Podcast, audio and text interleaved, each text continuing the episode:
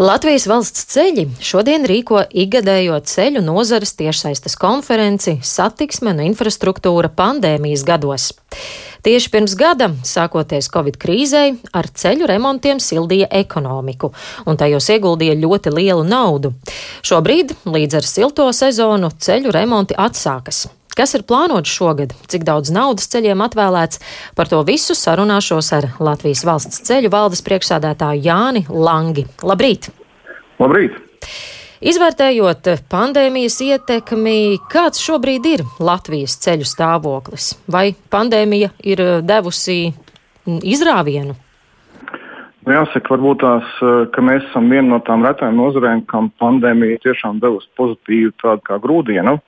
Un pateicoties valdības lēmumam pagājušajā gadā par papildus 75 miljonu ieguldījumiem, mēs pagājušajā gadā esam strādājuši daudz aktīvāk, uz daudz vairāk gan valsts galvenajiem autoceļiem, gan reģionālajiem autoceļiem. Tā rezultātā galveno ceļu stāvoklis ir uzlabojies, un arī reģionālā ceļu stāvoklis ir nedaudz uzlabojies. Tā kā mēs vērtējam to pozitīvi, jo konkurences rezultātā ir samazinājies arī tātad, mūsu iepirkuma cenas un mēs par šiem līdzekļiem esam uzbūvējuši vairāk nekā sākotnēji bijām paredzējuši. Tā kā viennozīmīgi tādā veidā ekonomika tika sildīta, mēs esam veikuši arī ekonomisku aprēķinu par to, cik liela ietekme ir bijusi uz ekonomiku. Un, uh, esam konstatējuši, ka multiplikātoru efekts katram eiro, kas ir ieguldīts ceļu būvniecības nozarē, ir bijis 2,7 koeficients. Jeb mēs varam teikt, ka kopumā 300 miljoni, kas pagājušajā gadā ieguldīti nozarē, visai tautsāniecībai devuši vairāk kā 800 miljonus lielus nu, ieguvums. Tā tad ekonomika tiešām ir tikusi pasildīta un atdeve ir bijusi.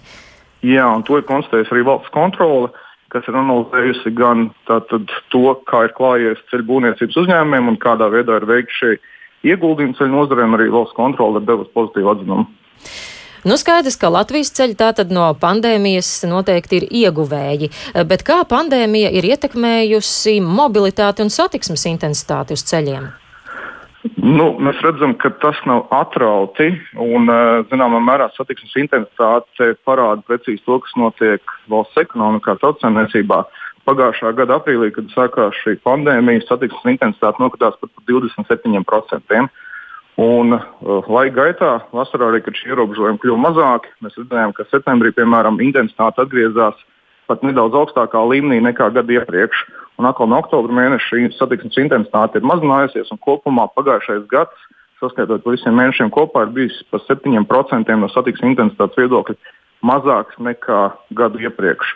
Šī gada pirmajos trīs mēnešos mēs redzam arī, ka šīs satiksmes intensitātes kritums pret attiecīgo iepriekšējo gadu vēl krītas, bet pirmie trīs mēneši vēl pandēmija nebija sākusies. Visticamāk, aprīlis būs interesantākais indikators. Tad redzēsim, vai kaut kas ir mainījies attiecīgi pret iepriekšējo gadu vai nē.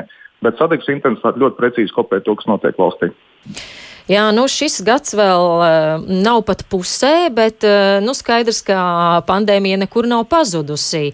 Uh, kāds izskatās 2021. gads uh, ceļu būvēšanas ziņā, remontu ziņā, cik daudz līdzekļu ir pieejams? 21. gads izskatās ļoti labs. Pat salīdzinoši ar pagājušo gadu finansējums mums ir lielāks, jo ir līdz, no valdības lēmumiem izrietoši līdzekļiem neparedzētiem gadījumiem ir piešķirti 155 miljoni. Līdz to mūsu šī gada kopējais budžets ir 325 miljoni, un tas ir aptuveni par 20 miljoniem vairāk nekā pagājušajā gadā. Un mēs esam plānojuši strādāt uz vairāk kā 1100 km valsts autoceļu. Uz galvenajiem autoceļiem tie būs vairāk kā 128 km lielākie darbi norisināsies uz reģionālajiem autoceļiem, vairāk kā 800 km apjomā un uz vietējiem ceļiem 150 km. Šobrīd sezona lēnām sāk, šobrīd darbi norisinās uz 15 objektiem, bet pēc māja brīvdienām arī sāksies aktīvāk būvdarbi. Jau iepriekš iedzīvotājiem jāatvainojas par nērtībām, jo šīs nērtības atkal būs. Jā, nu, ko nozīmē šogad plānotie ceļu remonti? Cik daudz ir paredzēts tieši atjaunot segumus, cik daudz eh, pilnībā no jauna asfaltēt ceļus un kas galu galā ar grāns ceļiem notiks? Jā, tātad pilnīgi pārbūve mums paredzēts 140 km. Un lielākais uzsvers mums ir likts uz seguma atjaunošanu, jeb, jeb tā saucamā virskārtas atjaunošanu. Ir paredzēta arī grāns ceļiem, divkārt virsmas apstrāde vairāk kā 160 km un arī viens, viena kilometra garumā jauna grāmatas ceļa būvniecība. Bet viennozīmīgi vislielākais uzsvars mums ir tiek likts uz seguma atjaunošanu, tur, kur mēs vēl ar slīdinošu lētām metodēm varam dabūt maksimālo efektu. Vai ir skaidrs, kas veiks šos ceļu remontu darbus, vai visur jau ir bijuši konkursi? Mm, tātad lielā daļā konkursi ir noslēgušies, bet arī tajā pašā laikā vēl turpinās uh, arī kādā daļā šie iepirkumi. Mūsu mērķis, lai maijā aktīvi šie darbi norisinātos, mēs redzam, ka konkurence ir liela. Konkurences rezultātā šīs cenas mazinās nu, un ceram, ka šī sezona būs labāka nekā iepriekšējā, jo būvniekiem laicīgāk ir līgumi. Jā, nu, ņemot vērā arī pieejamo finansējumu, gan jau būvniecība ritēs eh, pilnā sparā. Kuri būs tie posmi, kuru šogad ir plānoti vērienīgākie darbi un kur būs uh, autovadītājiem jārēķinās ar kādiem ierobežojumiem? Nu, ja mēs skatāmies uz, uz tiem ceļu posmiem, kur ir lielākā satiksmes intensitāte, kur varētu būt vislielākie satiksmes ierobežojumi, kur autovadītāji tos sajutīs, noteikti tā ir Tallinas šoseja aiz saukrastiem virzienā uz Igaunijas robežu būs garš posms, kurš tiks atjaunots. Daugopils šosei vairākos posmos arī to, to, to autovadītājs sajutīs. Liepājas šosei posms aiz skrundas un tāpat tās saldas posms ir jāpabeidz. Es aicinu mūsu mājaslapā www.lvcl.lv apskatīt, jo kopumā šajā gadā būs aptuveni 200 objektu pa visu Latviju. Šovasar sāk darboties arī jaunie novadi saistībā ar novadu reformu, un jau pagājušajā gadā vides aizsardzības un reģionālās attīstības ministrija ar satiksmes ministriju gatavoja atsevišķu plānu par 300 miljoniem, lai uzlabotu novadu centru sasniedzamību un sakārtotu tieši reģionālos ceļus. Cik daudz šogad ir paredzēts tieši līdzekļu reģionālajiem ceļiem un kādiem posmiem? Tātad šīs uh, reformas ietvaros valdība ir pieņēmusi lēmumu arī stimulēt, jeb uh, sakārtot uh, valsts autoceļus, lai uzlabotu pieejamību uz novadu, jauniem novadu centriem. Uh, šīs programmas ietvaros mums šajā gadā ir piešķirta 55 miljoni eiro. Uh, mēs esam plānojuši realizēt 33 objektus. No šiem 33 objektiem man gan jāsaka, ka 20 posmi ir valsts vietējie autoceļi, uh, 13 ir reģionālajie autoceļi. Šobrīd norisinās iepirkuma procedūras un plānojam šajā gadā arī realizēt šos objektus. Bet attiecībā par izvēli, kas eh, eh, kādā veidā tika pieņemta lēmuma, tas varbūt tās nav Latvijas valsts ceļa jautājums, vairāk tas ir varam ministrijas jautājums, jo varam ministrija arī vērtēja, kuriem novadiem ir nepieciešama labāka šī savienojamība, un arī tad attiecīgi šis lēmums caur valdību tika arī mums nodots. Bet kā jūs vērtējat šos te piešķirtos līdzekļus šim gadam, vai tomēr nav par maz? Kopumā es vērtēju ļoti pozitīvi, jo 325 miljoni, kas šajā gadā ir piešķirti, ir ļoti labi. Un tas ir vairāk kā pagājušajā gadā. Ja mēs skatāmies tā globāli, vai tas nav par maz, protams, Latvijas ceļu tīkls ir salīdzinoši sliktā stāvoklī. Ja mums ir ļoti daudz valsts vietēju autoceļu un būtu nepieciešams, nepieciešams lielāks finansējums, bet soli pa solim mēs noteikti ejam pareizā virzienā, jo finansējums ar katru gadu pieaug. Vai ir zināms, ko paredz šis plāns turpmākajiem gadiem un aptuveni cik daudz šos te reģionālos ceļus izdosies sakārtot?